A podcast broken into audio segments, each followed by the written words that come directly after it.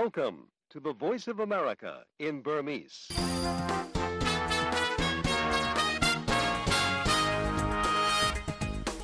မင်္ဂလာနေ့မှာတော်တာရှင်များရှင်။ View American တကနေ2024ခုနှစ် February လ20ရက်အင်္ဂါညပိုင်း View မြန်မာပိုင်းအစီအစဉ်တွေကိုမြန်မာစံတော်ချိန်ည9:00နာရီကနေ10:00နာရီထိ American ပြည်တော်စုကနေပြီးတော့တိုက်ရိုက်ထုတ်လွှင့်ပေးနေပါပြီရှင်။ View Radio အစီအစဉ်တွေကို Live to Meter 19 25 32တို့ပြင် Live လက် Meter 190တို့ကနေတိုက်ရိုက်နားဆင်နိုင်ပါတယ်။ဒီကနေ့ညအတွက်အစီအစဉ်တွေကိုကျမအလေးမာကအစီအစဉ်မှုဖြစ်တောင်းယူတင်ဆက်ပေးမှာပါရှင်။မင်္ဂလာညချမ်းမှာတော်တာရှင်များရှင်ကျမခင်လေးပါဒီညအတွက်ထိတ်တန့်အောင်သတင်းတွေကိုအလိမ္မာနဲ့တူတင်ဆက်ပေးသွားဖို့ရှိပါတယ်ဒီညမှာထူးခြားတဲ့သတင်းတွေကတော့ဂါဇာရေးကုလသမဂ္ဂမှာဒီကနေ့မဲခွဲဆုံးဖြတ်ပါမယ်မျိုးဆက်တစ်တစ်ခုလုံးကိုပျက်စီးအောင်ဖျက်ဆီးနေတယ်လို့စစ်ကောင်စီကိုကုလအရာရှိဟောင်းတွေကဝေဖန်လိုက်ပါတယ် မြန်မာနိုင်ငံသားတွေ ထိုင်းနိုင်ငံတွေကို ဥပဒေမဲ့ မဝင်ကြဖို့ ထိုင်းဝန်ကြီးချုပ်က သတိပေးလိုက်ပါတယ်ဆိုတဲ့ ထိတ်တန့်အောင်သတင်းတွေကို ပြပြပေးသွားပါမယ်ရှင်ဟုတ်ကဲ့ပါရှင်အခုလို နောက်ဆုံးရသတင်းတွေနဲ့အတူ သတင်းပေးပို့ချက်တွေကို တင်ဆက်ပေးသွားပါမယ် အခုညပိုင်း နားဆင်ရမယ့်တဲမှာတော့ ထိုင်းပြည်ဝင်ခွင့်ဗီဇာရရှိဖို့ရချင်းယူတဲ့စနစ်ကို online စနစ် ပြောင်းလိုက်တာနဲ့ ပတ်သက်ပြီးတော့ခုလိုဒီ internet ကနေဒီစင်ပွားဖို့အဲလွတ်ဆောင်ဖို့ရမယ်ဆိုရင်တော့ ဒါ ကျွန်တော်ရဲ့ဒီကိုလူယူမယ်ဆိုရင်တော့ ပို့ပြီးတော့မှဆင်ပြေမယ်လို့ ကျွန်တော် ယူဆပါတယ် ကိုကျင်းပြောပြသွားတာပါဒီအကြောင်းသတင်းအပြည့်စုံကိုနောက်ပိုင်းမှာနားဆင်ရပါမယ်ဒီသတင်းနဲ့အတူထိုင်းနိုင်ငံဘက်တရားမဝင်ဝင်ရောက်မှုနဲ့မြန်မာလူငယ်တွေဖမ်းဆီးခံရတာအပါအဝင်ကချင်ပြည်နယ်စီခန်းကြီးရွာမှာရှိတဲ့စစ်ကောင်စီစခန်းကို KIA နဲ့ပူးပေါင်းတပ်တွေကသိမ်းပိုက်တာနောက်ရခိုင်ပြည်နယ်ဘက်ကအခြေအနေဒီလိုနောက်ဆုံးရသတင်းပေးပို့ချက်တွေကိုလည်းနားဆင်ရမှာပါဒါတွေနဲ့အတူအင်္ဂါညတိုင်းတင်ဆက်ပေးနေကြအပတ်စဉ်အစီအစဉ်တွေကိုလည်းနားဆင်ရဖို့ရှိပါတယ်ဒီလိုအပတ်စဉ်ကဏ္ဍတွေကိုလည်းမတင်ဆက်ပေးခင်အခုအရင်ဆုံးတော့ထိတ်တရောက်မြန်မာနဲ့နိုင်ငံတကာသတင်းတွေကိုမှတ်ခင်လေးနဲ့အတူပြောပြပေးမှာပါရှင် ဂါဇာဒေသမှာ အမြန်ဆုံး အပစ်အခတ်ရပ်စဲဖို့ အကူအညီတွေ တိုးမြှင့်ပေးဖို့နဲ့ ပါလက်စတိုင်းတွေကို အတင်းအဓမ္မ နေရပ်စွန့်ခွာရတာတွေကို ကန့်ကွက်ဖို့အတွက်အယ်လ်ဂျီးရီးယားနိုင်ငံက တင်သွင်းလိုက်တဲ့ ဆုံးဖြတ်ချက်မူကြမ်းကို ကုလသမဂ္ဂ လုံခြုံရေးကောင်စီမှာ ဒီကနေ့ မဲခွဲဆုံးဖြတ်ဖို့ ပြင်ဆင်နေပါတယ်။တချိန်တည်းမှာပဲ ဂါဇာကမ်းမြောင်က Khan Younis မြို့ အနီးတစ်ဝိုက်မှာ တိုက်ပွဲတွေ ပြင်းထန်နေတယ်လို့ အစ္စရေးစစ်တပ်က ဒီကနေ့ပဲ သတင်းထုတ်ပြန်ထားပါတယ်။အမေရိကန်သံအမတ်ကြီး Linda Thomas-Greenfield ကတော့ ဆုံးဖြတ်ချက်မူကြမ်းဟာ ကြားဝင်စေ့စပ်မှုတွေကို ထိခိုက်နိုင်တဲ့အတွက်ကြောင့်မို့အမေရိကန်က ဗီတိုအာဏာသုံးပြီးပယ်ချမယ်လို့ပြောထားပါတယ်။လုံခြုံရေးကောင်စီမှာဒီကနေ့မဲခွဲဆုံးဖြတ်မှုမတိုင်ခင်မှာပဲအမေရိကန်ကသူ့ရဲ့ကိုယ်ပိုင်ဆုံးဖြတ်ချက်မူကြမ်းတခုကိုအဖွဲ့ဝင်နိုင်ငံတွေကြားကိုဖြန့်ဝေပေးခဲ့ပါတယ်။ဒီမူကြမ်းမှာဟာမတ်စ်တွေဖမ်းဆီးထားတဲ့ဓားစာခံတွေကိုလွှတ်ပေးဖို့အလေးပေးထားပြီးရာဖာမှာရှိတဲ့အရပ်သားတွေကိုအစ္စရေးရဲ့ထိုးစစ်ဆင်မှုကနေကာကွယ်ပေးနိုင်တဲ့အရေးပေါ်အစီအစဉ်ကိုလည်းထည့်သွင်းထားပါတယ်။ပင်လယ်နီအတွင်းကုန်တင်သင်္ဘောတစီးကိုတနင်္လာနေ့နှောင်းပိုင်းကတိုက်ခိုက်ခဲ့ကြောင်းပင်လယ်ရေကြောင်းလုံခြုံရေးဆိုင်ရာအဖွဲ့တခုကပြောပါတယ်။ ဒါဟာ အီရန်ကကြောထောက်နောက်ခံပေးထားတဲ့ ယီမင်အခြေစိုက် ဟူသီသူပုန်အဖွဲ့ရဲ့ နောက်ဆုံးတိုက်ခိုက်မှုတခုဖြစ်ပြီး အခုလို တိုက်ခိုက်မှုတွေကြောင့် ဒေသတွင်း ရေကြောင်းသွားလာရေးကို နှောင့်ယှက်မှုတွေ ဖြစ်ပေါ်နေတာပါ။သင်္ဘောပေါ်ပါလာသူတွေက သူတို့သင်္ဘော ဒရုန်းယာဉ်နဲ့ တိုက်ခိုက်ခံရကြောင်းနဲ့ အပြင်ပိုင်းတချို့ အနည်းငယ် ထိခိုက်သွားကြောင်း ပြောတာကို ကိုးကားပြီး ဗြိတိန်အခြေစိုက် ရေကြောင်းကုန်သွယ်ရေးလုပ်ငန်း UKMTO က ပြောပါတယ်။ ဂျပူတီနိုင်ငံမြောက်ဘက် ကီလိုမီတာ ၁၁၀ လောက်အကွာမှာ တိုက်ခိုက်ခံခဲ့ရတာဖြစ်ပြီး သင်္ဘောဝန်ထမ်းတွေအားလုံး ထိခိုက်မှုမရှိဘဲ ဦးတည်ရာလမ်းကြောင်းအတိုင်း ဆက်ပြီး ခရီးဆက်နေတယ်လို့ UKMTO က ပြောပါတယ်။ဗြိတိန်အခြေစိုက် ပင်လယ်ရေကြောင်းလုံခြုံရေးအဖွဲ့ Ambrey ကလည်းမာရှယ်ကျွန်းမှာ မှတ်ပုံတင်ထားတဲ့ ကုန်တင်သင်္ဘော ပင်လယ်နီအတွင်း တိုက်ခိုက်ခံရတယ်ဆိုပြီး အတည်ပြု ပြောဆိုပါတယ်။ အကျဉ်းချခံထားရတဲ့ ရုရှားအတိုက်အခံခေါင်းဆောင် Navalny သေဆုံးပြီးတဲ့နောက် ရုရှားအပေါ် ပိတ်ဆို့အရေးယူမှုအသစ်တွေလုပ်ဖို့ ဖိအားတွေ တိုးလာနေချိန်မှာပဲ ရုရှားက အဝေးထိန်း ဒရုန်းတွေနဲ့ ထပ်မံတိုက်ခိုက်ခဲ့ကြောင်း ယူကရိန်းစစ်တပ်က ဒီကနေ့ပဲ သတင်းထုတ်ပြန်လိုက်ပါတယ်။ရုရှားရဲ့ ဒရုန်း ၂၃ ခုကို လေကြောင်းရန် ကာကွယ်ရေးတပ်တွေက ဖျက်ဆီးပစ်ခဲ့ကြောင်းနဲ့ Kharkiv, Dnipropetrovsk, Kherson နဲ့ Mykolaiv အပါအဝင် နေရာအများအပြားမှာ ကြားဖြတ်ပစ်ချနိုင်ခဲ့တယ်လို့လည်း ယူကရိန်းလေတပ်က ပြောပါတယ်။ရုရှားတိုက်ခိုက်မှုမှာ ပဲ့ထိန်း မစ်ဇိုင်းဒုံး ၄ ခု ပါဝင်ပြီး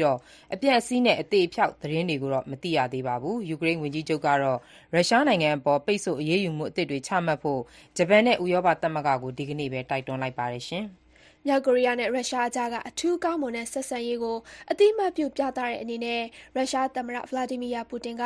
မြောက်ကိုရီးယားခေါင်းဆောင် Kim Jong Un သုံးဖို့ ရုရှားလုပ် ကားတစီး လက်ဆောင်ပေးခဲ့တယ်လို့ မြောက်ကိုရီးယား အစိုးရပိုင် သတင်းမီဒီယာက ဒီကနေ့ ဖော်ပြပါတယ်။ ဘယ်လိုကားမျိုးဖြစ်တယ်ဆိုတဲ့ဘယ်လိုပုံစံနဲ့ပို့ပေးလိုက်တယ်ဆိုတာကိုတော့သတင်းထဲမှာဖော်ပြထားခြင်းမရှိပါဘူး။ဒါပေမဲ့ရုရှားကအခုလိုကားလက်ဆောင်ပေးတဲ့ကိစ္စကမြောက်ကိုရီးယားရဲ့နျူကလီးယားအစီအစဉ်တွေရပ်တန့်ရေးအတွက်ဖိအားပေးတဲ့အနေနဲ့မြောက်ကိုရီးယားကိုဇိမ်ခံပစ္စည်းတွေတင်ပို့ခွင့်နိုင်ငံတကာရဲ့ပိတ်ဆို့မှုကိုချိုးဖောက်ရာရောက်နိုင်တယ်လို့လေ့လာသူတွေကပြောပါတယ်။ အဲဒီလက်ဆောင်ကားကို မြောက်ကိုရီးယားခေါင်းဆောင် ကင်ဂျုံအမ်ရဲ့ညီမ ကင်မျိုးဂျောင်းက တနင်္ဂနွေနေ့မှာ လက်ခံရယူခဲ့ပြီး သူ့အကိုကိုယ်စား သမ္မတပူတင်ကို ကျေးဇူးတင်စကား ပြန်လည် ပြောကြားခဲ့တယ်လို့ မြောက်ကိုရီးယားအစိုးရ သတင်းဌာနရဲ့ ထုတ်ပြန်ချက်မှာ ဖော်ပြထားပါတယ်။ဒီလက်ဆောင်ကို ကြည့်ခြင်းအားဖြင့် နှစ်နိုင်ငံခေါင်းဆောင်တွေအကြား ထူးခြား ကောင်းမွန်တဲ့ ဆက်ဆံရေးရှိတယ်ဆိုတာကို ပြသလိုက်တာဖြစ်တယ်လို့ ကင်မျိုးဂျောင်းက ပြောပါတယ်။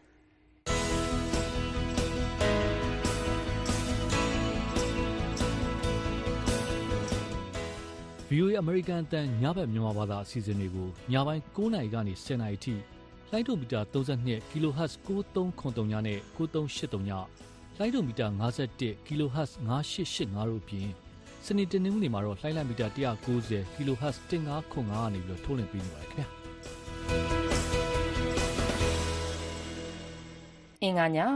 VOA ရဲ့ထိတ်တန့်ရောက်သတင်းတွေကိုတင်ဆက်ပေးနေပါတယ်ရှင်။ စစ်ကောင်စီက အတင်းအကျပ် စစ်မှုထမ်းခိုင်းတဲ့ လုပ်ရပ်ဟာ တိုင်းပြည်အနာဂတ်ကို ဖျက်ဆီးတဲ့ လုပ်ရပ်အဖြစ် မြန်မာနိုင်ငံဆိုင်ရာ ကုလသမဂ္ဂ အရာရှိဟောင်းတွေက ဝေဖန်လိုက်ပါတယ်။အာဏာသိမ်းစစ်ကောင်စီဟာကြာရှုံးမှုကို လက်မခံနိုင်တဲ့အတွက် နိုင်ငံရဲ့ မျိုးဆက်သစ်တခုလုံးကို ပျက်စီးအောင် ဖျက်ဆီးနေတယ်လို့ မြန်မာနိုင်ငံဆိုင်ရာ အထူးအကြံပေးကောင်စီ SAC-M အဖွဲ့ဝင်တယောက်ဖြစ်တဲ့ ယန်ဟီလီက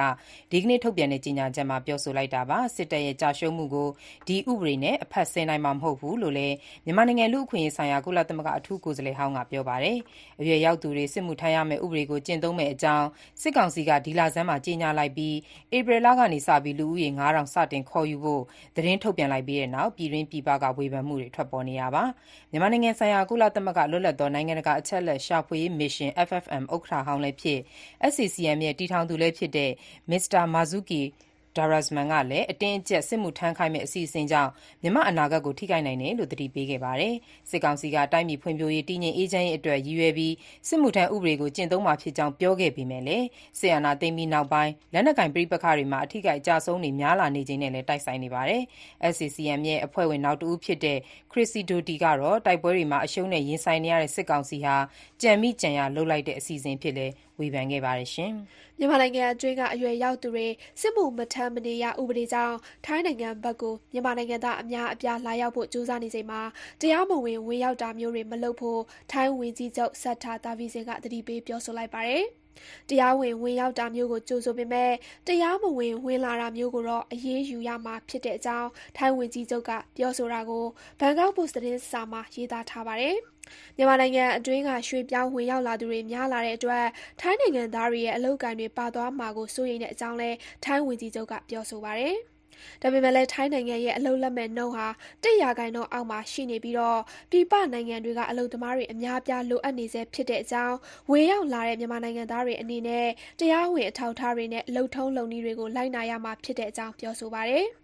ဒီကနေ့မှာပဲ ရန်ကုန်မြို့မှာရှိတဲ့ ထိုင်းသံရုံးကလည်း အရင်က ဗီဇာလာလျှောက်တဲ့သူတွေ လူကိုယ်တိုင် တန်းစီလျှောက်ထားနိုင်တဲ့စနစ်ကနေ အွန်လိုင်းစနစ်နဲ့သာ လာလျှောက်ကြဖို့ ပြောင်းလဲလိုက်တဲ့အကြောင်း ကြေညာချက် ထုတ်ပြန်ထားပါတယ်။ မနေ့က မန္တလေးမြို့မှာ နိုင်ငံကူးလက်မှတ်ရုံးရှေ့ တန်းစီသူတွေများလွန်းပြီး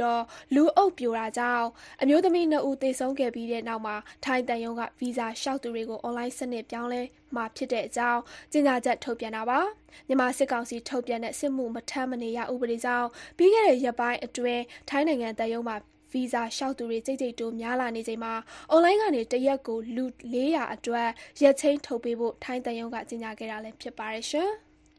မြန်မာနိုင်ငံမှာ အရွယ်ရောက်သူတွေ စစ်မှုထမ်းရမယ့် ဥပဒေ ထုတ်ပြန်လိုက်တဲ့အတွက်ကြောင့်ကနေဒါနိုင်ငံသား နိုင်ငံကူးလက်မှတ် Passport ကိုင်ဆောင်ပြီး ခရီးသွားမယ့် မြန်မာနွယ်ဖွားတွေအတွက် သတိထားဖို့ ကနေဒါနိုင်ငံက သတိပေးလိုက်ပါတယ်။စစ်မှုထမ်းဥပဒေကို လက်တွေ့ကျင့်သုံးမယ့်အကြောင်း ကနေဒါပတ်စ်ပို့ကိုင်ဆောင်ထားပေမဲ့ မြန်မာအာဏာပိုင်တွေက နိုင်ငံသားအဖြစ် သဘောထားပြီး စစ်မှုထမ်းခိုင်းနိုင်တဲ့အတွက်ကြောင့် ကနေဒါကောင်စစ်ဌာနက လူမှုကွန်ရက်မှာ သတင်းထုတ်ပြန်ခဲ့တာပါ။စစ်ကောင်စီရဲ့ အမိန့်ကြောင့် ကနေဒါပတ်စ်ပို့နဲ့ ခရီးသွားတဲ့ မြန်မာနွယ်ဖွားတွေကို အကာအကွယ်ပေးနိုင်မှုအာမခံချက်မရှိဘူးလို့လည်း သတိပေးထားပါတယ်။အသက် ၁၈ နှစ်ပြည့်သူတွေ စစ်မှုထမ်းရမယ့် ဥပဒေကို လက်တွေ့ကျင့်သုံးမယ့်အကြောင်း စစ်ကောင်စီက ဒီလဆန်းမှာ ကြေညာလိုက်ပြီးတဲ့နောက် ပြည်ပနိုင်ငံတွေကို ထွက်ခွာဖို့ ကြိုးပမ်းသူ လူငယ်တွေလည်း များလာနေတာပါ။စစ်ကောင်စီကတော့ ဧပြီလကနေစပြီး ပထမအသုတ်အဖြစ်လူ ၅,၀၀၀ စတင်စုဆောင်းမယ်လို့ ပြောထားပါတယ်။တိုင်းပြည်ဖွံ့ဖြိုးရေး၊တည်ငြိမ်အေးချမ်းရေးအတွက် ရည်ရွယ်ပြီး စစ်မှုထမ်းဥပဒေကို ကျင့်သုံးမှာဖြစ်ကြောင်း စစ်ကောင်စီက ပြောထားပေမဲ့ စစ်အာဏာသိမ်းပြီးနောက်ပိုင်း လက်နက်ကိုင် ပဋိပက္ခတွေမှာ အထိအခိုက် အကျအဆုံးတွေ များလာတာကြောင့် ဖြစ်နိုင်တယ်လို့ အကဲခတ်တွေက ယူဆထားကြပါတယ်။ Google ကုမ္ပဏီဟာ လူ့အခွင့်အရေးကို လေးစားလိုက်နာတယ်လို့ ပြောနေပေမဲ့ တကယ့်လက်တွေ့မှာတော့ မြန်မာစစ်တပ်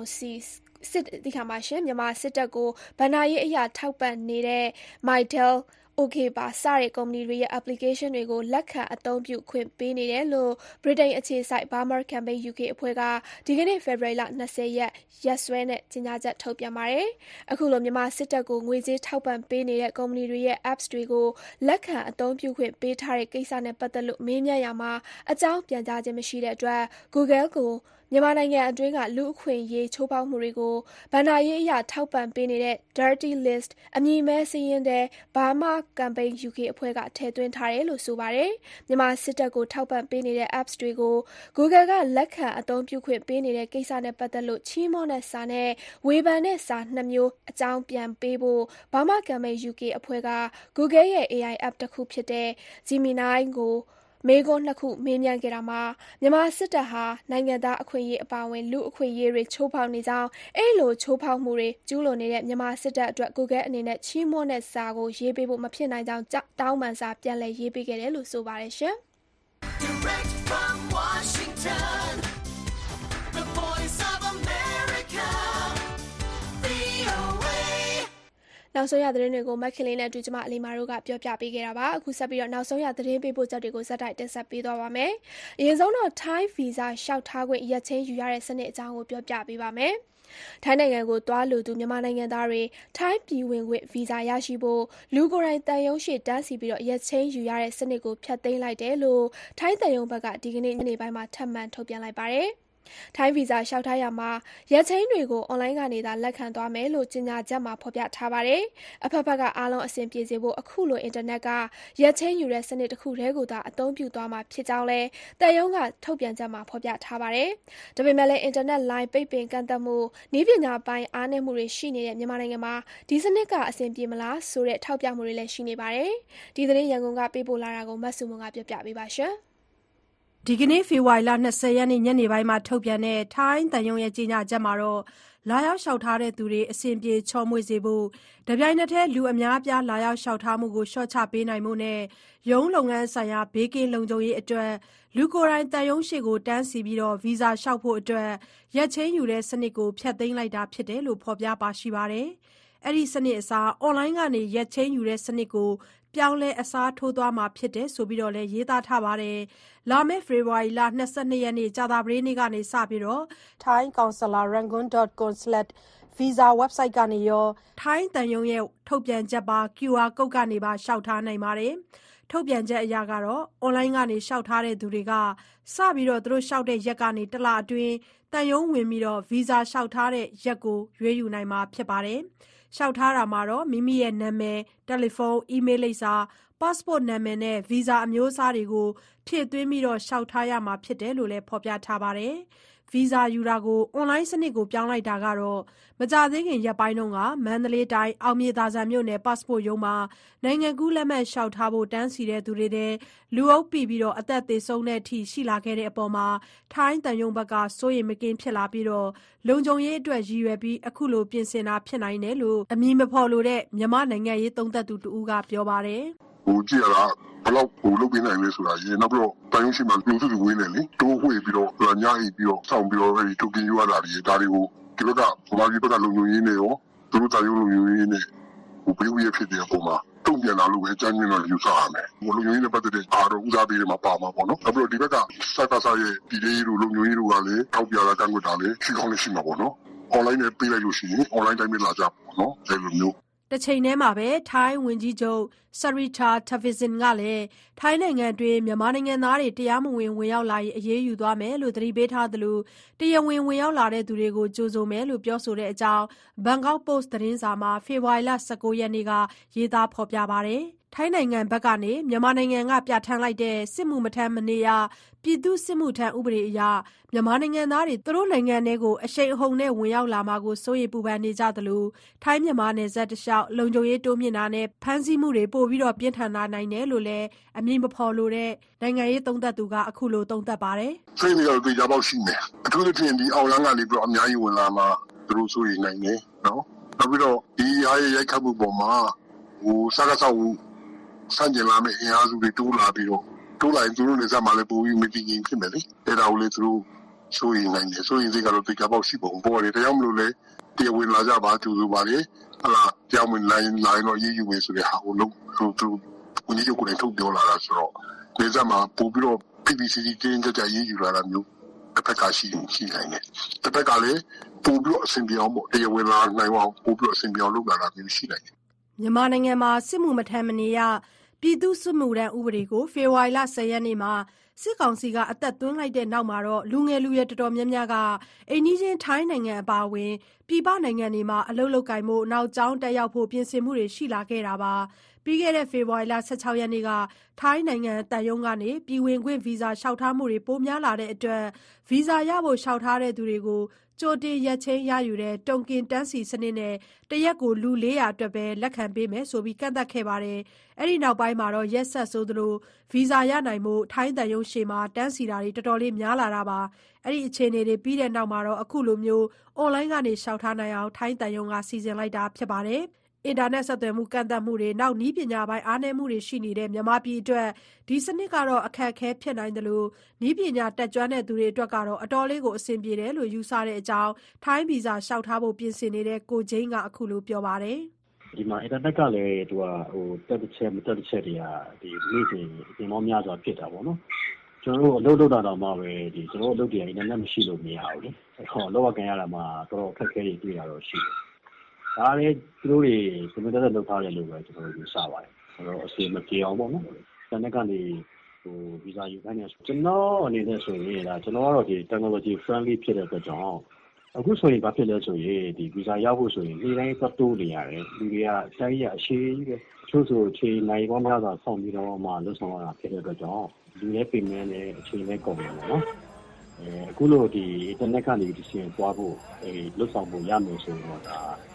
တကြနားလည်းပြည်ရဲ့ကိုကြီးယူမယ်ဆိုရင်တော့ပို့ပြီးတော့မှပြင်ပြနေလို့ကျွန်တော်ယူဆပါတယ်မြန်မာနိုင်ငံမှာစစ်ကောင်စီကပြည်သူ့စစ်မှုထမ်းဥပဒေပြဋ္ဌာန်းပြီးတဲ့နောက်ထိုင်းနိုင်ငံဘက်ကိုသွားရောက်ခွင့်ဗီဇာလျှောက်ထားတဲ့မြန်မာနိုင်ငံသားအရေအတွက်တိတိတသာတိုးလာတယ်လို့ထိုင်းဝန်ကြီးချုပ်စရီချာသဗစ်စင်ကပြောဆိုထားပါတယ်ရှင်။ ထိုင်းပြည်ဝင်ခွင့်ဗီဇာလျှောက်ထားတဲ့စနစ်အကြောင်းမဆုမွန်ပြောပြပေးခဲ့တာပါအခုဆက်ပြီးတော့ထိုင်းနိုင်ငံဘက်ကိုတရားမဝင်ဝင်ရောက်မှုနဲ့မြန်မာလူငယ်တွေဖမ်းဆီးခံရတာတွေရှိတဲ့တဲ့တင်ကိုဆက်ပြီးတော့ပြောပြပေးပါမယ်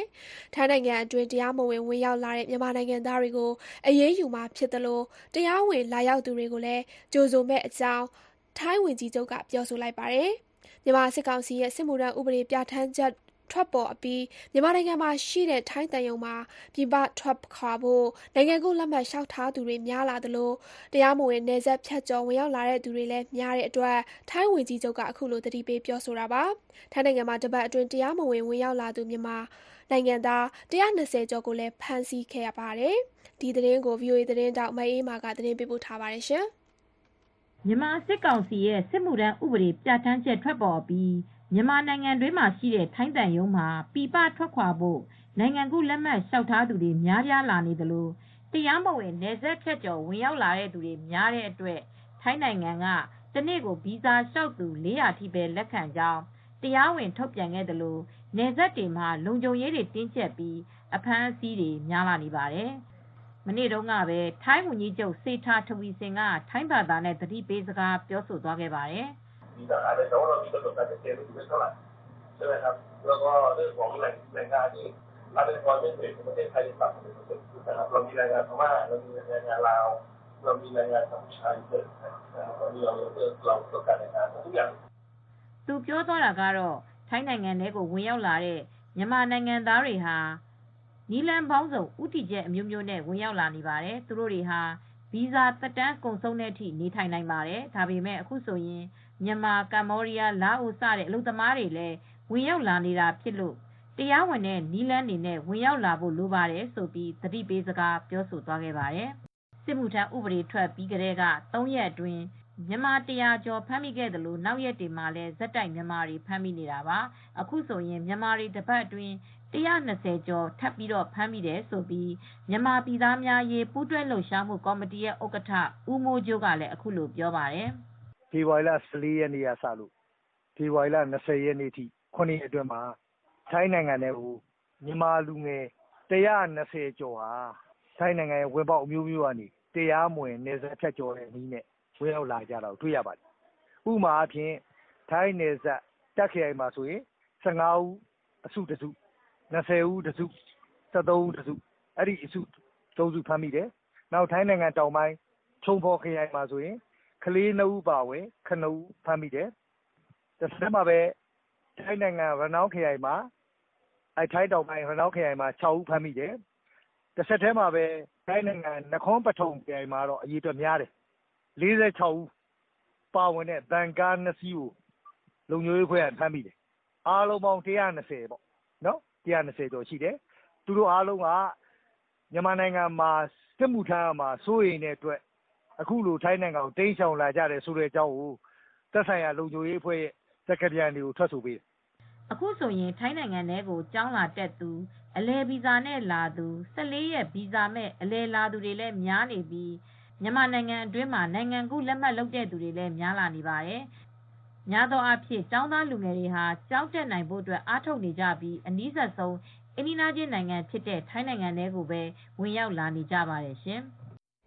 မအေးမပြောပြပေးခဲ့တာပါအခုတခါတော့ကချင်ပြည်နယ်ဘက်ကအခြေအနေကိုဆက်ပြီးတော့ပြောပြပေးပါမယ်ကချင်ပြည်နယ်မန်စီမြို့နယ်ကစီခန်းကြီးရွာမှာရှိတဲ့စစ်ကောင်စီတပ်စခန်းကို KIA နဲ့ပူးပေါင်းတပ်တွေက၄ရက်ကြာတိုက်ခိုက်ခဲ့ပြီးနောက်မှာတနင်္လာနေ့ညနေပိုင်းက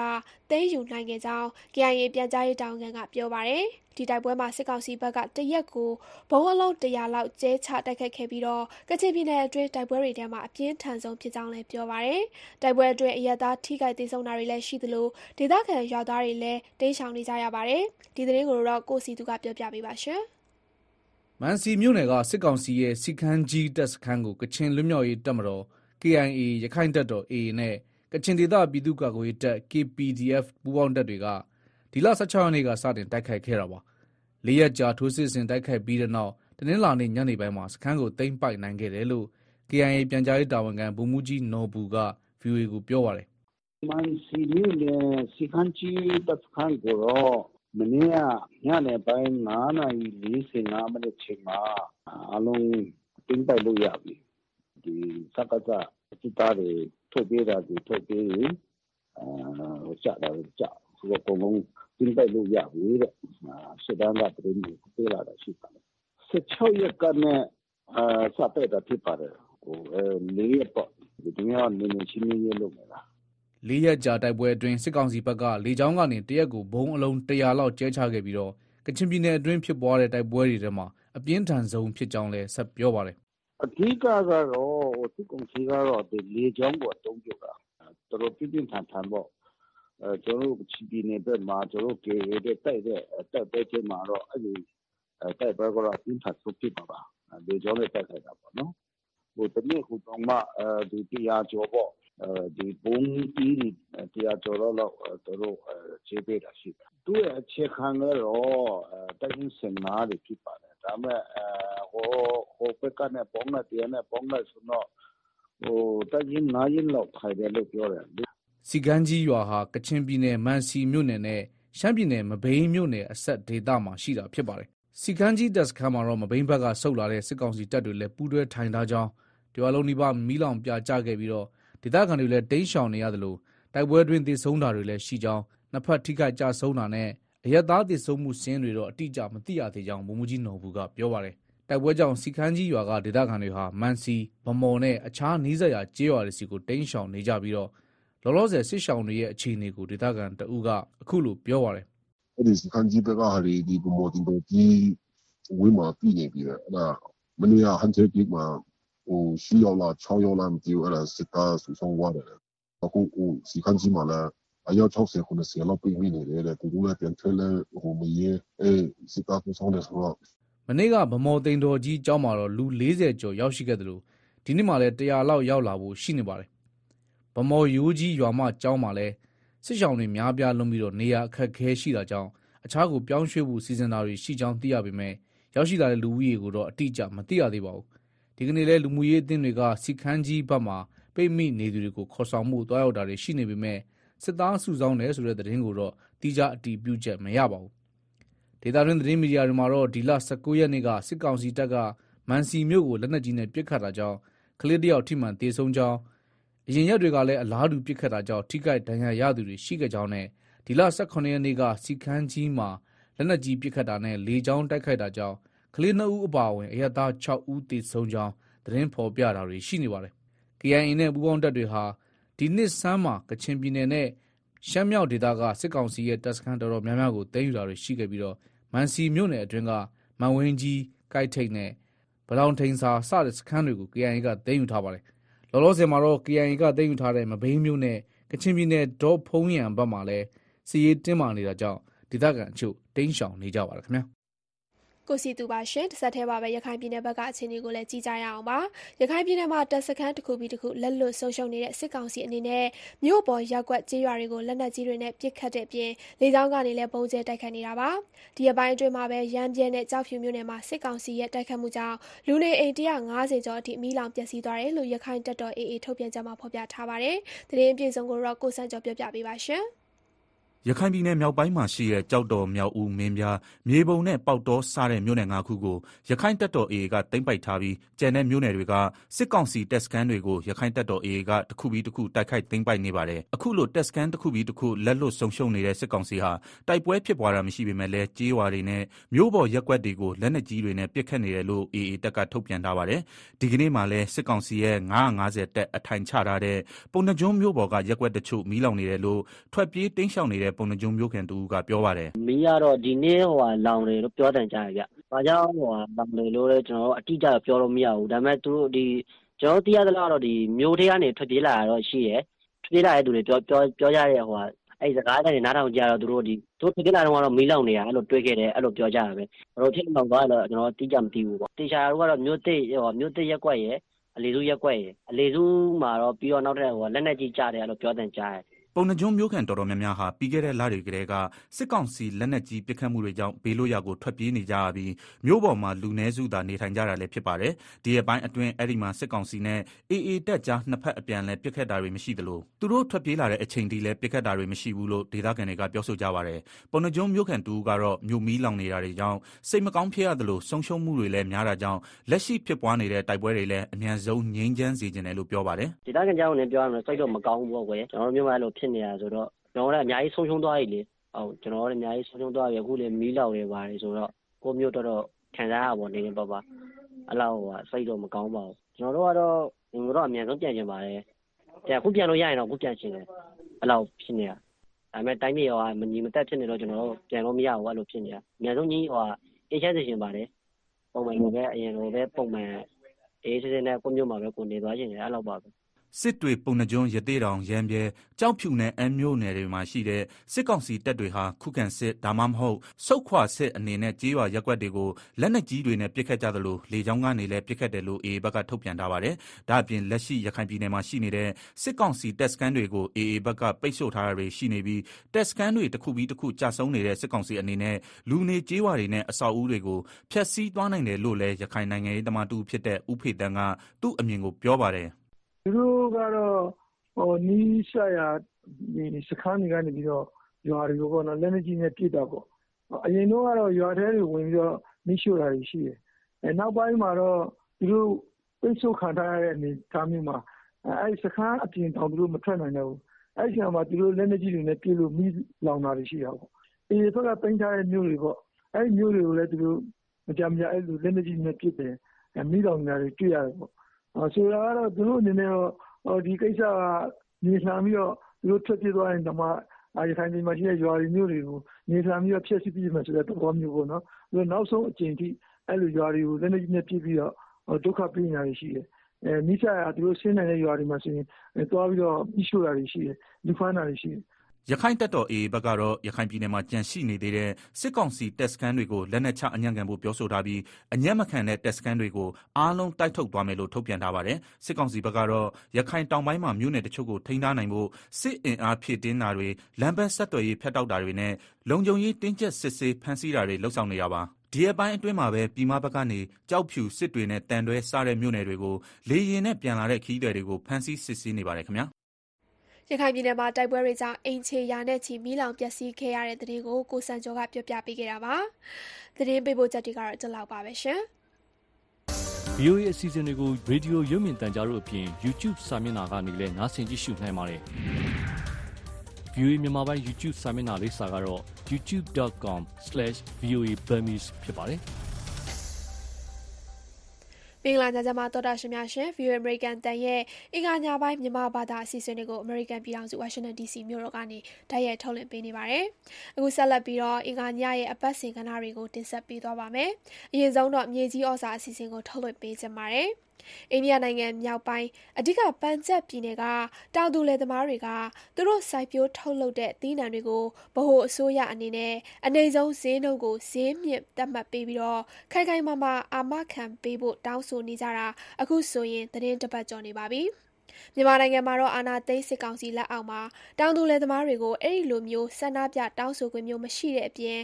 စပါးဈေးကို ဈေးကွက်သဘောအရ ဖြစ်ပေါ်နေတဲ့ဈေးမဟုတ်ပဲအခြေခံရည်ညွှန်းဈေးဆိုပြီးတော့စစ်ကောင်စီက သတ်မှတ်ပေးထားတာပါ။အိန္ဒိယနဲ့ မြန်မာနိုင်ငံက တောင်သူလယ်သမားတွေရဲ့ အခြေအနေတွေကို ကိုခင်မောင်စိုးမင်းကစူးစီးတင်ဆက်ပေးထားပါတယ်ရှ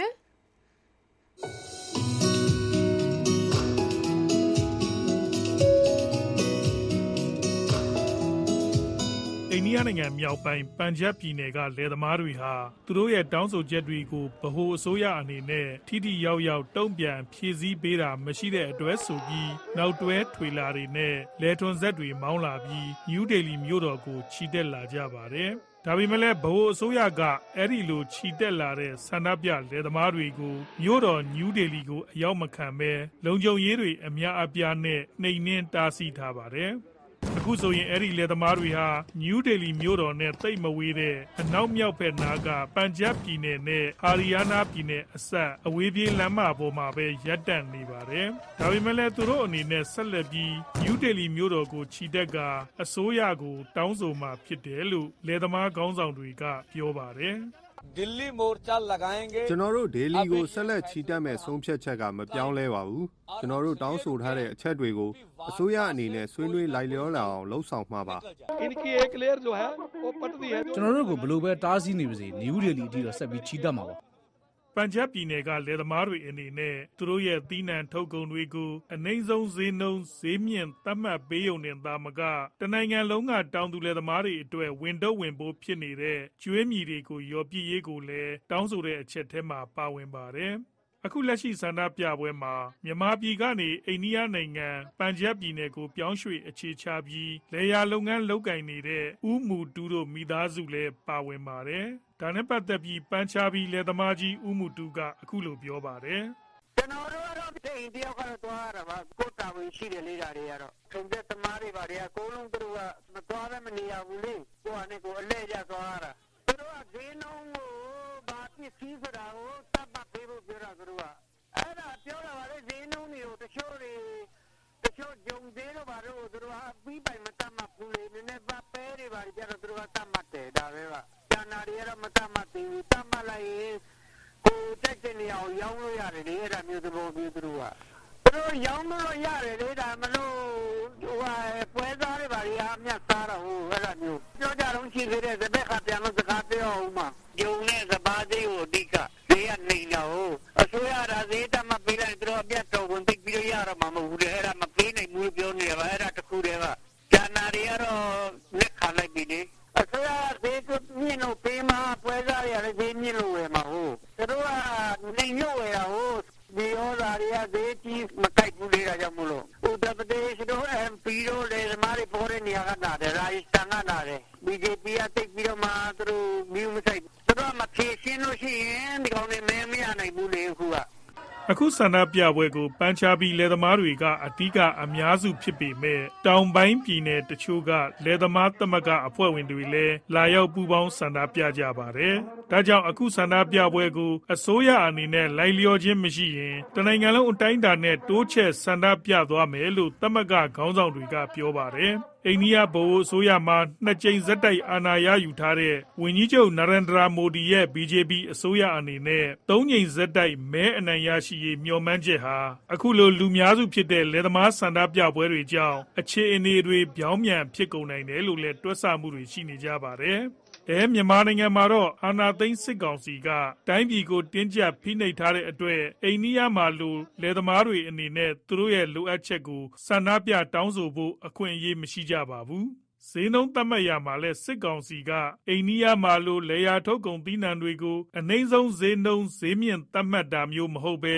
အခြေခံရည်ညွှန်းဈေးနှုန်းလို့ သုံးနှုန်းပြီးတော့ ဈေးနှုန်းကို သတ်မှတ်ထားပါတယ်။ မနှစ် အောက်တိုဘာလ ၁၀ ရက်နေ့က စပါးတင်းတရာကို အခြေခံရည်ညွှန်းဈေး ၇ သိန်းခွဲလို့ သတ်မှတ်လိုက်တယ်ဆိုပြီး ကြေညာချက် ထုတ်ပြန်ခဲ့ပါတယ်။စကားလုံး အသုံးအနှုန်းအရ အခြေခံရည်ညွှန်းဈေးဆိုတာဟာ အနိမ့်ဆုံးဈေးလား ဖြစ်သင့်တဲ့ဈေးလားဆိုတာ ဝေါဟာရ အဓိပ္ပာယ် တိကျမှုမရှိပါဘူး။ နောက်ပြီး စစ်ကောင်စီက သတ်မှတ်တဲ့ဈေးလို့ အများနားလည်ထားတဲ့ အဲဒီလို သတ်မှတ်ဈေးနှုန်း ထုတ်ပြန်ရာမှာလည်း တောင်သူလယ်သမား အခွင့်အရေး ကာကွယ်ရေးနဲ့ အကျိုးစီးပွားမြှင့်တင်ရေး ဦးဆောင်အဖွဲ့ဆိုပြီး ကြေညာချက်အောက်မှာ ဖော်ပြထားကာ ဆက်သွယ်ရမယ့် နေရာမှာတော့ နောက်ထပ် အဖွဲ့အစည်းတစ်ခု ဖြစ်နေပြန်ပါတယ်။အဲဒီလို ကြေညာချက်မှာ တာဝန်ခံသူကတစ်ဖွဲ့ ဖြစ်နေတာဟာ မူဝါဒမရှိ တာဝန်ခံမှု မရှိဘူးဆိုတာ ပြသနေတယ်လို့ မြမစီးပွားရေး သုံးသပ်သူ ဦးစိန်ထေးက ပြောပါတယ်။ ဈေးကွက်စီးပွားရေးစနစ်ကိုသွားတဲ့အခါမှာဈေးကွက်စီးပွားရေးစနစ်ကကုန်စည်တွေရဲ့ဈေးနှုန်းကဈေးကွက်ကဝယ်လိုအားနဲ့ရောင်းလိုအားပြဋ္ဌာန်းတဲ့တိုင်သွားရမှာအဲ့ဒါကို तू ကခုနပြောတယ် तू ကသတ်မှတ်လိုက်တဲ့အခါကျအဲ့သတ်မှတ်တာကလည်းလက်ရှိတိုင်းပြည်မှာဖြစ်နေတဲ့ကုန်ဈေးနှုန်းတိုးတက်မှုနဲ့လေယာသွန်းအားစုဈေးနှုန်းတွေနှစ်ဆလောက်တက်တာလေက तू မကိုက်ညီဘူးဖြစ်တဲ့အခါလယ်သမားနစ်နာတာပေါ့ဒါတစ်ချက်ပါနောက်ထပ်ပြီးတော့သူတို့အဲ့ထက်မှာပါတယ်ဗျကျွန်တော်ဖတ်ကြည့်လိုက်တဲ့အခါကျတော့ဘာလဲဆိုတော့အဲ့ရင်းညွှန်းဈေးရဲ့အထက်မှာရှိရင်တဲ့ ဘာဖြစ်လဲဆိုအဲ့ဒီဈေးနေပဲဝယ်ရမယ်ဆိုတော့လယ်သမားထပ်နာတာပေါ့ဥမာဆိုပါစို့9သိန်းခွဲသူကတတ်မှတ်တဲ့အခါအပြင်မှာပေါက်ဈေးရဇုကပေါက်ဈေး10သိန်းဖြစ်မယ်ဆိုပါစို့အဲ့တော့9000နားမနေဘူးလားဗျာအဲ့တော့အဲ့နားလို့ရှိရင်အဲ့ဒီခုနအဲ့ဖွဲ့စိုက်ပေးမှာလားမရှိဘူးကုန်တရားကဲဟုတ်လား9သိန်းကပဲဝယ်မှာပဲ तू ကတတ်မှတ်လိုက်တာဟုတ်ဈေးနှုန်းကို तू က fix လုပ်လိုက်တဲ့အခါကျတော့အပြင်ပေါက်တာ10သိန်းကျတယ်ဆိုပါစို့ဥပမာရှစ်သိန်းကျရင်9000နာနေအင်းနေတင်းတရား9000နာအဲ့ဖွဲ့စိုက်ပေးမှာလားဒါမှမအစိုးရစိုက်ပေးမှာလား ဒါကြောင့်ကျွန်တော်ပြောတယ်သဘာဝမကြောက်တစ်ချက်နောက်တစ်ချက်ကထပ်ပြောပြန်ဟောအဲ့တော့တကယ်လို့ဈေးကွက်ပေါက်ဈေးကတဲ့သူတို့သတ်မှတ်တဲ့ဈေးတဲ့9သိန်းခွဲတဲ့အောက်နဲသွားရင်ဘာဖြစ်မလဲအောက်နဲသွားလို့ရှိရင်အဲ့ဒါအဲ့ဈေးနဲ့ပဲဝယ်ဆိုတော့အဲ့တော့လယ်သမားဟုတ်လားအဲ့ဈေးနဲ့ရဖို့ဆိုရင်ဝယ်တဲ့လူကဟို9သိန်းနဲ့ဝယ်မယ်ဆိုရင်9000ကဘယ်လိုလုပ်မှာလဲ9000ဘယ်သူကပေးမှာလဲသူတို့ကစိုက်ပေးမှာလားကုန်သေးဘူး အဲ့တော့အဲ့ဒါတွေကမရှင်းမရှင်းဖြစ်တော့ဒါကြောင့်ကျွန်တော်စောစောတင်ပြလို့သူတို့ချမှတ်တဲ့ဈေးနှုန်းကလုံးဝ reliable မရှိဘူးတဘာဝမကြောက်ဘူးပေါ့ဆရာကြီးအဲ့ဒါပြောမယ်ဆိုတော့ဒါ error of policy ပေါ့ဒါ policy အမှားဖြစ်နေပြီထုတ်ပြန်ကြေညာရကတောင်တသမားအခွင့်အရေးကာကွယ်ရေးအကျိုးစီးပွားဥပဒေတဲ့နံပါတ်၄မှာじゃဆန်စပါအသိချုပ်နဲ့ဆက်သွယ်ပါဆိုတော့အဲ့နှစ်ခုကမရှင်းရှင်းဖြစ်နေတယ်ဆိုတော့ဒီနေရာမှာကျွန်တော်ပြောချင်တာကအခုချမှတ်လိုက်တဲ့ဥပဒေဒီလေသမားများအတွက်နစ်နာတာပဲရှိမယ်တော့မရှင်းမရှင်းဖြစ်တယ်ဘယ်သူတောင်းခံရှင်းပါလဲ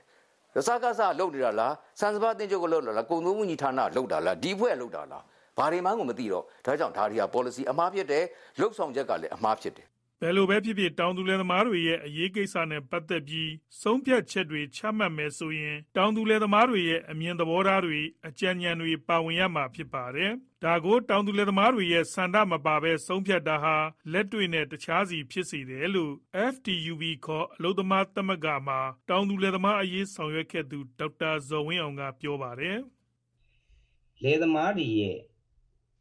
အတန်လယ်သမားတွေရဲ့ သူတို့ရဲ့အမြင်သူတို့လူလားချက်တွေကိုလည်းခိုင်ခိုင်မာမာတရားဝင်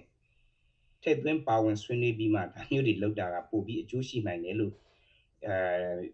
တင်ပြခြင်းပါတယ်။ဘာကြောင့်လဲဆိုတော့လယ်သမားတွေဘက်ကဘာအတမ်းမှမပါပဲအမိန့်လိုပဲထုတ်တယ်ပြင်အဲအတတ်ပညာရှင်အသိပညာရှင်တွေနဲ့လုပ်လဲဒါမျိုးကအောင်မြင်မှုခဲရင်တတ်ပါတယ်။အခြေခံကြတဲ့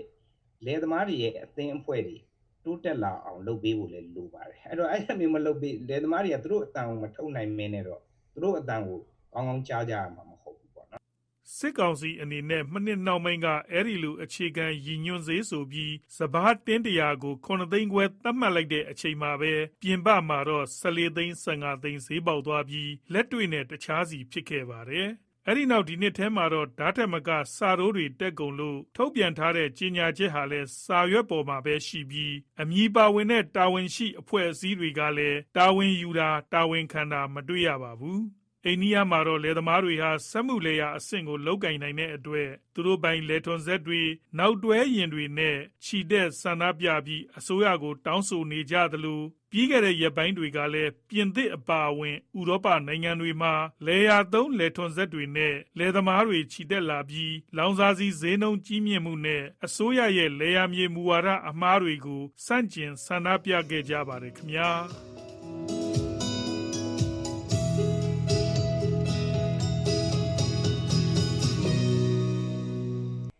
သီးနှံဈေးတက်မှတ်မှုကြောင့်တောင်သူတွေနစ်နာရတဲ့အကြောင်းမြေကြီးရောစာအစီအစဉ်မှာကိုခင်မောင်စိုးမင်းကတင်ဆက်ပေးခဲ့တာပါအခုဆက်ပြီးတော့အင်္ဂါညရဲ့အပတ်စဉ်ကဏ္ဍတစ်ခုဖြစ်တဲ့မြန်မာနဲ့ယူကရိန်းနှစ်နိုင်ငံအခြေအနေနိုင်ရှင်ချက်ကိုလည်းတင်ဆက်ပေးကြပါမယ်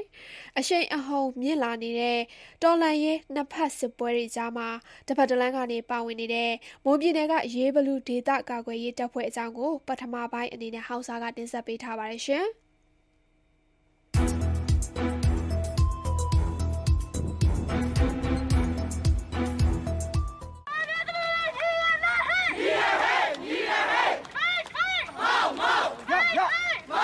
သုံးနှစ်ပြစ်ခဲ့ပြီဖြစ်တဲ့မြန်မာနွေဦးတော်လှန်ရေးမှာစစ်တပ်ကအာဏာသိမ်းလိုက်တဲ့နေ့ကစပြီးလူမျိုးပေါင်းစုံအလွာပေါင်းစုံကပြည်သူတွေဟာရရနီလန်ပေါင်းစုံနဲ့ကက်ကွက်ဆန္ဒပြခဲ့ကြပါတယ်။အဲ့ဒီထဲမှာလူငယ်တွေအများဆုံးပါဝင်ခဲ့ကြပြီးတော့နောက်ပိုင်းမှာလက်နက်ကင်လမ်းကြောင်းအထိဝင်ရောက်သွားခဲ့ကြသူလည်းရှိပါတယ်။နေ့စဉ်ဘဝကိုလွတ်လပ်မှုတွေနဲ့ဖျက်ဆီးနေတဲ့လူငယ်တွေဟာတကြောပြန်အာဏာသိမ်းတာကိုစက်ကျင်ရကနေလက်နက်ကင်ပြီးတော့အာဏာသိမ်းစစ်တပ်နဲ့တိုက်ပွဲတွေဆင်နွှဲနေကြပါတယ်။အဲ့လိုအရှိန်ဟုန်မြင့်လာနေတဲ့နှစ်ဖက်တိုက်ပွဲတွေကြားမှာ တစ်ဖက်တစ်လမ်းကနေပါဝင်နေတဲ့မွန်ပြည်နယ်ကဒေသကာကွယ်ရေးတပ်ဖွဲ့အဖွဲ့ခေါင်းဆောင်ဖြစ်တဲ့ရေးဘလူးနဲ့ဆက်သွယ်မေးမြန်းထားတာကိုပထမပိုင်းအနေနဲ့တင်ဆက်ပေးလိုက်ပါတယ်ဟုတ်ကဲ့ခင်ဗျကျွန်တော်တို့ဒီအာနာမသိန်းခင်မှာဆိုလို့ရှိရင်တော့ကျွန်တော်တို့ကျွန်တော်ရဲ့ကိုယ်ပိုင်စီးပွားရေးတစ်ခုဖြစ်တဲ့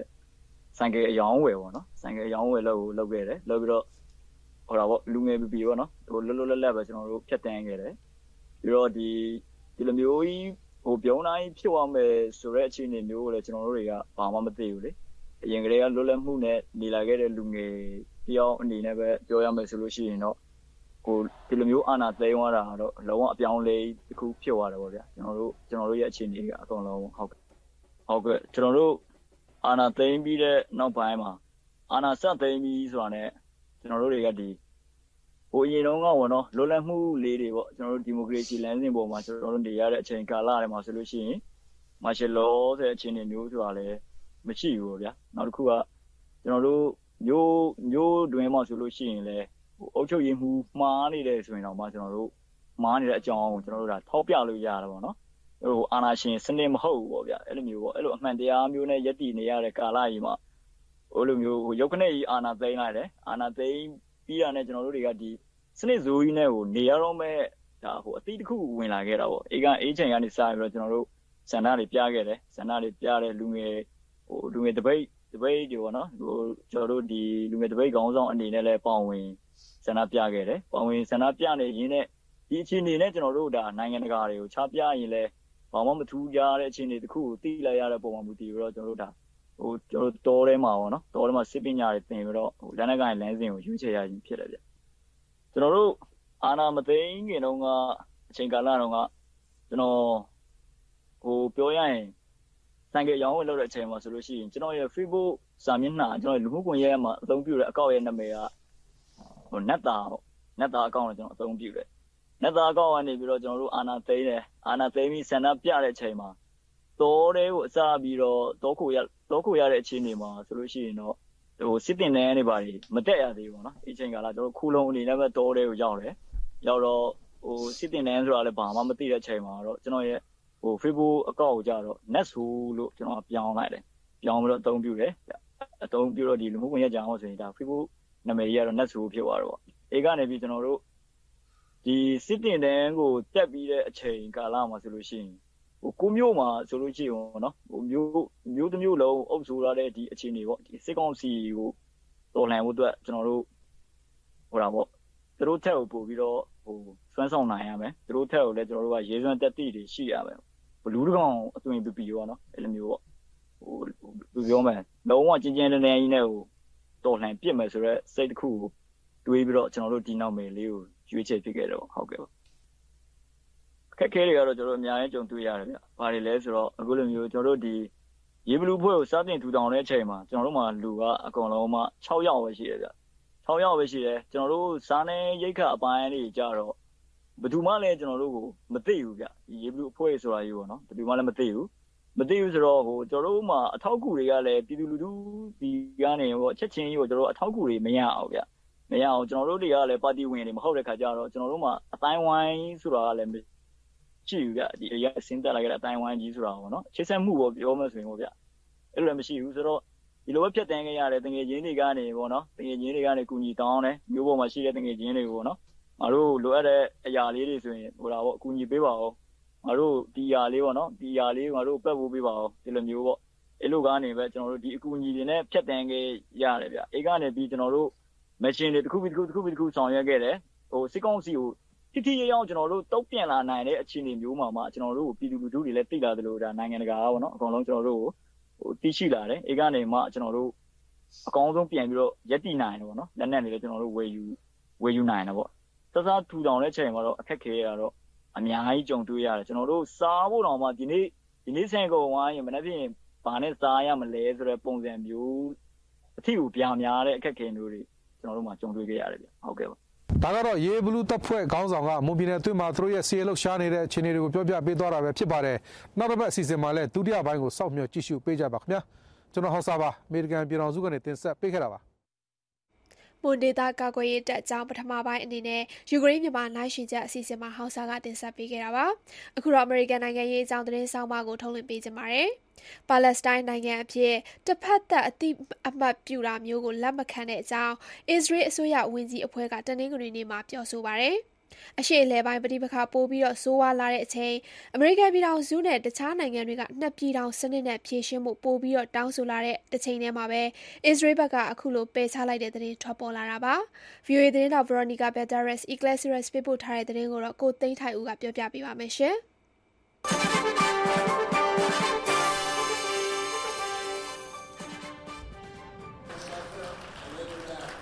ပါလက်စတိုင်းနိုင်ငံအဖြစ်အတိအမှတ်ပြုတာမျိုးကိုလက်မခံပယ်ချတဲ့အကြောင်းအစ္စရေးအစိုးရဝန်ကြီးအဖွဲ့ရဲ့ဆုံးဖြတ်ချက်ကြေညာချက်ဆိုပြီးတင်းငွေတွေကထုတ်ပြန်ခဲ့တာပါ။အစ္စရေးဝန်ကြီးချုပ်ဘင်ဂျမင်နာတညာဟူရဲ့အဆိုကို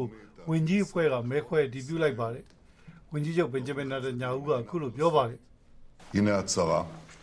Israel doha ala saf takhtim နိုင်ငံကအတိုင်းဝိုင်းကပါလက်စတိုင်းနဲ့ထာဝရတည်တံ့တဲ့အဖြေရှာဖို့ဆိုပြီးပြောဆိုညွှန်ကြားနေတာတွေကိုအစ္စရေးဘက်ကလက်မခံပါဘူး ဒီလိုအဖြေရှာဖို့စီစဉ်မယ်ဆိုရင်နှစ်ဖက်ကြားဓာတ်ရိုက်စေ့စပ်ညှိနှိုင်းရပါလိမ့်မယ်။ပါလက်စတိုင်းနိုင်ငံဆိုပြီးအတိအမှတ်ပြုလိုက်မယ်ဆိုရင် အောက်တိုဘာ9ရက်အစုလိုက်တပ်ဖြတ်မှုကျူးလွန်ခဲ့တဲ့အကြမ်းဖက်သမားတွေကိုအကြီးအကျယ်စုချီးမြှင့်လိုက်သလိုဖြစ်သွားပါလိမ့်မယ်။ပြည်ကတဲ့နေ့အစ္စရေးနယ်တွေကိုဟာမတ်စစ်သွေးကြတွေဝင်ရောက်ပြီးလူ1200လောက်ကိုတပ်ခဲ့သလို240လောက်ကိုတစားကန်အဖြစ်ဖမ်းဆီးခေါ်ဆောင်သွားခဲ့တာကိုအစ္စရေးဝန်ကြီးချုပ်ကရည်ညွှန်းပြောဆိုတာပါ။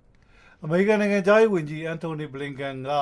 အစ္စရေးသမ္မတအိုက်ဇက်ဟာဇတ်နဲ့မြွန်းတဲ့လုံခြုံရေးညီလာခံညီလာခံအစီအစဉ်ပြင်ပတီချာတွေ့ဆုံပြီးဖွဲ့ရဲ့မဲခွဲဆုံးဖြတ်တဲ့ကြီးညာချက်ထွက်လာတာပါအစ္စရေးနိုင်ငံတည်တံ့မှုကိုအမေရိကန်ပြည်ထောင်စုကအခိုင်အမာထောက်ခံထားတဲ့ချိန်ထဲမှာ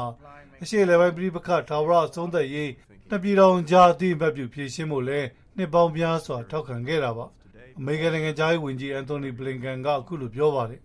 We're thinking of the suffering of people caught up in the middle of, of conflict. ပဋိပက္ခကြားမှာအတိဒုက္ခရောက်နေကြတဲ့လူတွေအတွက်ကျွန်တော်တို့ကစဉ်းစားတာပါ။ဂါဇာဒေသပါလက်စတိုင်းကအမျိုးသားအမျိုးသမီးကလေးငယ်တွေအပါအဝင်တစ်ချိန်တည်းမှာအစ္စရေးနဲ့ပါလက်စတိုင်းအပြင်ဒေသအတွင်းကကျွန်တော်တို့ရဲ့လက်တွဲဘက်တွေအတွက်ပိုပြီးကောင်းမွန်လုံခြုံတဲ့စစ်မှန်တဲ့အခွင့်အလမ်းတွေကိုကျွန်တော်တို့ကစဉ်းစားတာပါ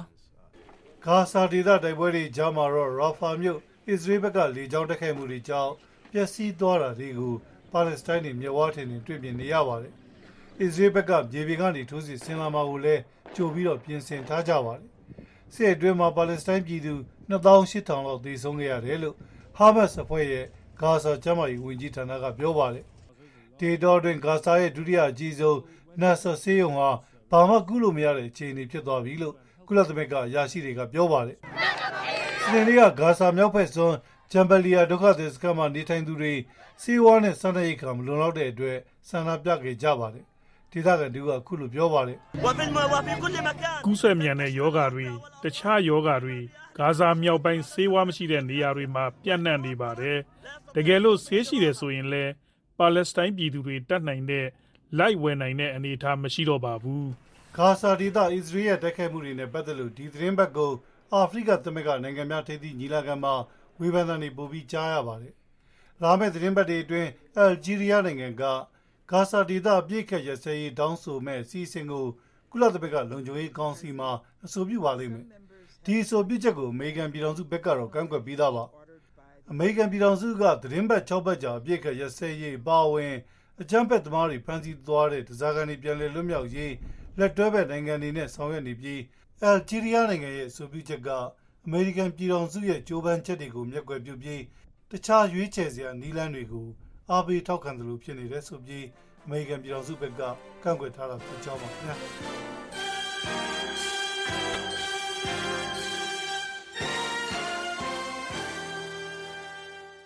အမေရိကန်နိုင်ငံရေးအကြောင်းသတင်းဆောင်မအစီအစဉ်ကိုကိုသိန်းထိုက်ဦးကတင်ဆက်ပေးခဲ့တာပါ။ VOA မြန်မာဘာသာအစီအစဉ်တွေကိုည10:00နာရီအထိဝါရှင်တန်မြို့တော်ကနေပြီးတော့တိုက်ရိုက်ထုတ်လွှင့်ပေးနေပါတယ်။အခုတော့ကမ္ဘာဒေါ်လာခီးသွားအစီအစဉ်အလှည့်ပါ။ဆလိုဗီးနီးယားနိုင်ငံရဲ့မြို့တော်လူမြနာကိုနဂါးမြို့တော်လို့တင်စားပြောကြပါတယ်။တစ်ချိန်ကနဂါးတွေရှိခဲ့တယ်လို့ပြောကြတဲ့မြို့စီကိုမဆုမြတ်မွန်နဲ့အတူကမ္ဘာဒေါ်လာခီးသွားအစီအစဉ်ကနေတွားကြည့်ကြရအောင်ပါရှင်။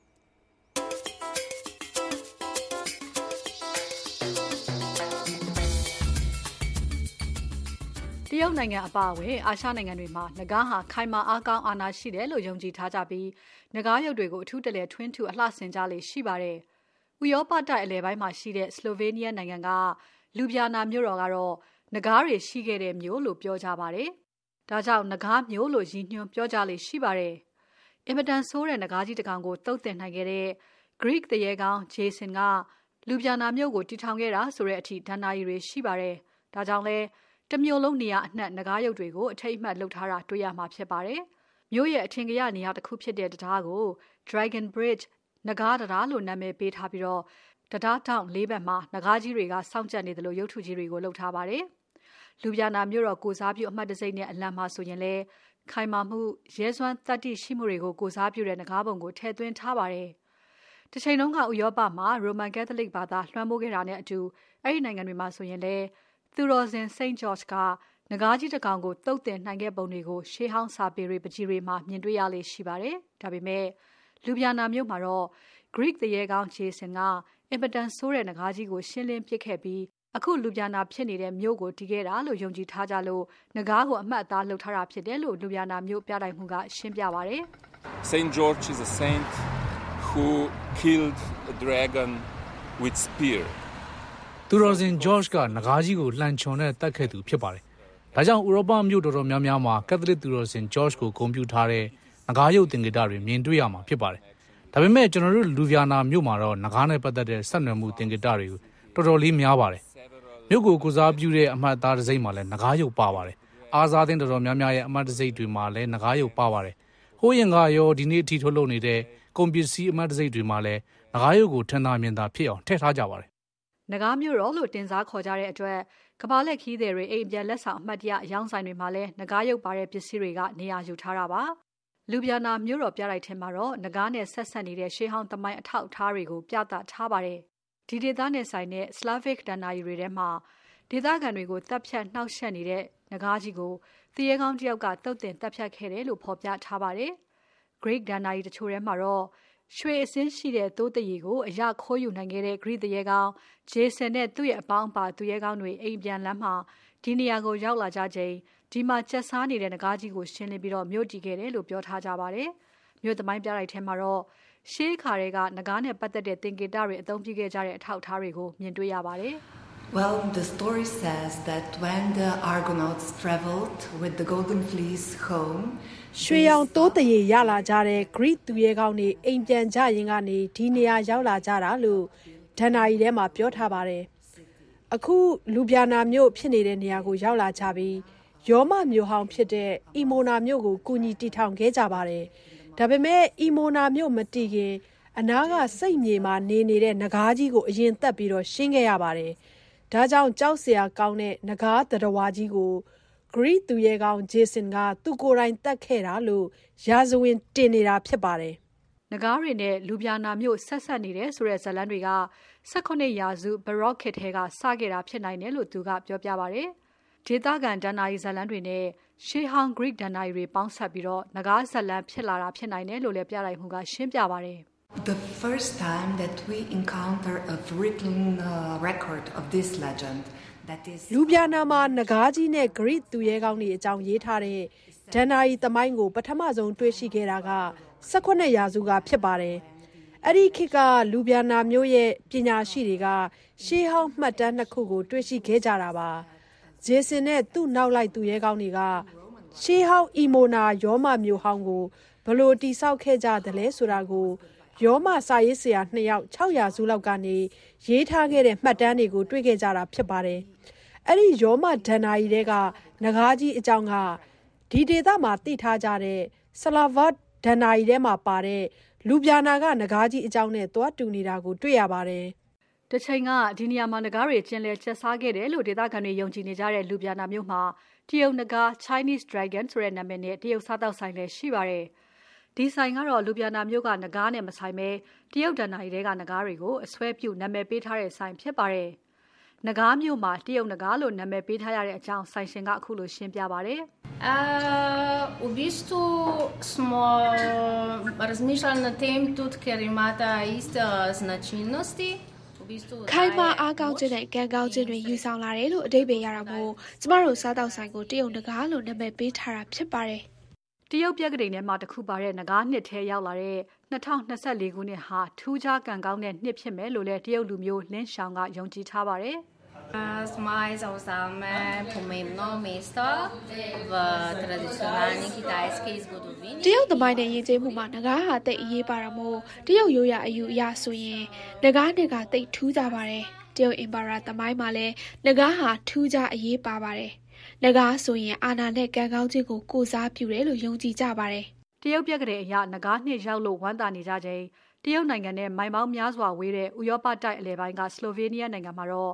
အရင်တည်းကနဂါးနဲ့ပတ်သက်တဲ့သင်္ကေတတွေကိုလူပြန်နာမြို့တော်မှာနေရာအနှံ့တွေ့ရပါတယ်။နိုင်ငံထွက်ကုန်ပစ္စည်းတွေရဲ့အမှတ်တစိတ်တွေမှာကစလို့အများပြည်သူနဲ့ဆိုင်တဲ့နေရာတွေမြို့ရဲကအစာအုပ်တွေမှာနဂါးရုပ်တွေကိုထည့်သွင်းပုံဖော်ထားကြပါတယ်။စောင်းရသည့်ရောက်တိုင်းမှာလည်း နဂါးပွဲတော်ဆိုပြီးတော့နှစ်တိုင်းကျင်းပကြလေ့ရှိပါတယ်ရှင်။ကျွန်မဆွေမြတ်မော်ပါဆလိုဗီးနီးယားကနဂါးမြို့တော်အကြောင်းကိုမဆုမြတ်မတင်ဆက်ပေးခဲ့တဲ့ကမ္ဘာတလွှာခီးသွားအစီအစဉ်မှာနားဆင်ခဲ့ကြရတာပါ။အင်္ဂါညရဲ့အပတ်စဉ်အစီအစဉ်တွေကတော့ဒီလောက်ပါပဲရှင်။အင်္ဂါညအတွက်အစီအစဉ်တွေမကြခင်ပြီးဆုံးတော့မှာမို့အခုဆက်ပြီးတော့ဒီညရဲ့နောက်ဆုံးရသတင်းအချင်းချုပ်ကိုမက်ကင်လေးကဆက်ပြီးတော့ပြောပြပေးပါမယ်ရှင်။ စစ်ကောင်စီက အတင်းအကျပ် စစ်မှုထမ်းခိုင်းတဲ့ လုပ်ရက်ဟာ တိုင်းပြည်ရဲ့နာဂတ်ကို ဖျက်ဆီးတဲ့ လုပ်ရက်အဖြစ် မြန်မာနိုင်ငံဆိုင်ရာ ကုလသမဂ္ဂ အရာရှိဟောင်းတွေက ဝေဖန်လိုက်ပါတယ်။အာဏာသိမ်း စစ်ကောင်စီဟာကြာရှုံးမှုကို လက်မခံနိုင်တဲ့အတွက် နိုင်ငံရဲ့ မျိုးဆက်သစ်တစ်ခုလုံးကို ပျက်စီးအောင် ဖျက်ဆီးနေတယ်လို့ မြန်မာနိုင်ငံဆိုင်ရာ အထူးအကြံပေးကောင်စီ SCCM အဖွဲ့ဝင်တယောက်ဖြစ်တဲ့ယန်ဟိလီကဒီနေ့ထုတ်ပြန်တဲ့ ကြေညာချက်မှာ ပြောဆိုလိုက်တာပါ။စစ်တပ်ရဲ့ကြာရှုံးမှုကို ဒီဥပဒေနဲ့ အဖက်ဆယ်နိုင်မှာ မဟုတ်ဘူးလို့လည်း မြန်မာနိုင်ငံဆိုင်ရာ လူ့အခွင့်အရေးဆိုင်ရာ ကုလသမဂ္ဂ အထူးကိုယ်စားလှယ်ဟောင်းက ပြောထားပါတယ်။ ထိုင်းနိုင်ငံဘက်ကို မြန်မာနိုင်ငံသား အများအပြား လာရောက်ဖို့ ကြိုးစားနေချိန်မှာ တရားမဝင် ဝင်ရောက်တာမျိုး မလုပ်ဖို့ ထိုင်းဝန်ကြီးချုပ်က သတိပေး ပြောဆိုလိုက်ပါတယ်။တရားဝင် ဝင်ရောက်တာမျိုးကို ကြိုဆိုပေမဲ့ တရားမဝင် ဝင်လာတာမျိုးကိုတော့ အရေးယူမှာ ဖြစ်တဲ့အကြောင်း ထိုင်းဝန်ကြီးချုပ်က ပြောဆိုတာကို Bangkok Post သတင်းစာမှာ ရေးသားထားပါတယ်။မြန်မာနိုင်ငံအတွင်းက ရွှေ့ပြောင်းဝင်ရောက်လာသူတွေ များတဲ့အတွက် အခုလို သတိပေး ပြောဆိုထားတာလည်း ဖြစ်ပါတယ်။ ကနေဒါနိုင်ငံသား နိုင်ငံကူးလက်မှတ် passport ကိုင်ဆောင်ပြီး ခရီးသွားမယ့် မြန်မာနွယ်ဖွားတွေကို သတိထားဖို့ ကနေဒါနိုင်ငံက သတိပေးထားပါတယ်။စစ်မှုထမ်းဥပဒေကို လက်တွေ့ကျင့်သုံးမယ့် အမိန့်ကြောင့် ကနေဒါ passport ကိုကိုင်ဆောင်ထားတဲ့ မြန်မာနိုင်ငံသားတွေက အာဏာပိုင်တွေက နိုင်ငံသားအဖြစ်သတ်မှတ်ထားပြီးစစ်မှုထမ်းခိုင်းနိုင်တဲ့အတွက်ကနေဒါစစ်ကောင်စီဌာနက လူမှုကွန်ရက်မှာ အခုလို သတိပေးထုတ်ပြန်ခဲ့တာပါ။စစ်ကောင်စီရဲ့ အမိန့်ကြောင့်ကနေဒါ ပတ်စ်ပို့နဲ့ ခရီးသွားတဲ့ မြန်မာနွယ်ဖွားတွေကို အကာအကွယ်ပေးနိုင်ဖို့ အာမခံချက်မရှိဘူးလို့လည်း သတိပေးထားပါသေးတယ်။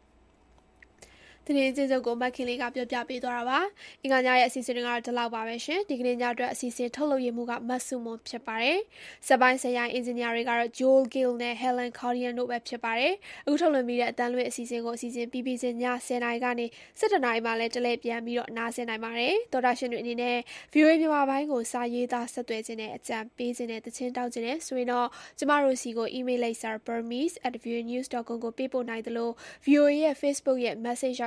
နေကနေတစ်ဆင့်လဲဆက်သွဲနိုင်ပါတယ်။ view ကိုနားတော်တာဆင်ခဲ့ကြတဲ့အတွက်လည်းကျေးဇူးအထူးပဲတင်ရှိပါတယ်။တော်တာရှင်များနဲ့တကွမြန်မာပြည်သူပြည်သားအားလုံးဘေးရဲ့နေခတ်သိမ်းကင်းနေပြီးတော့လူရဆန္ဒပြေဝကြပါစေရှင်။ကျမလေးပါပါ။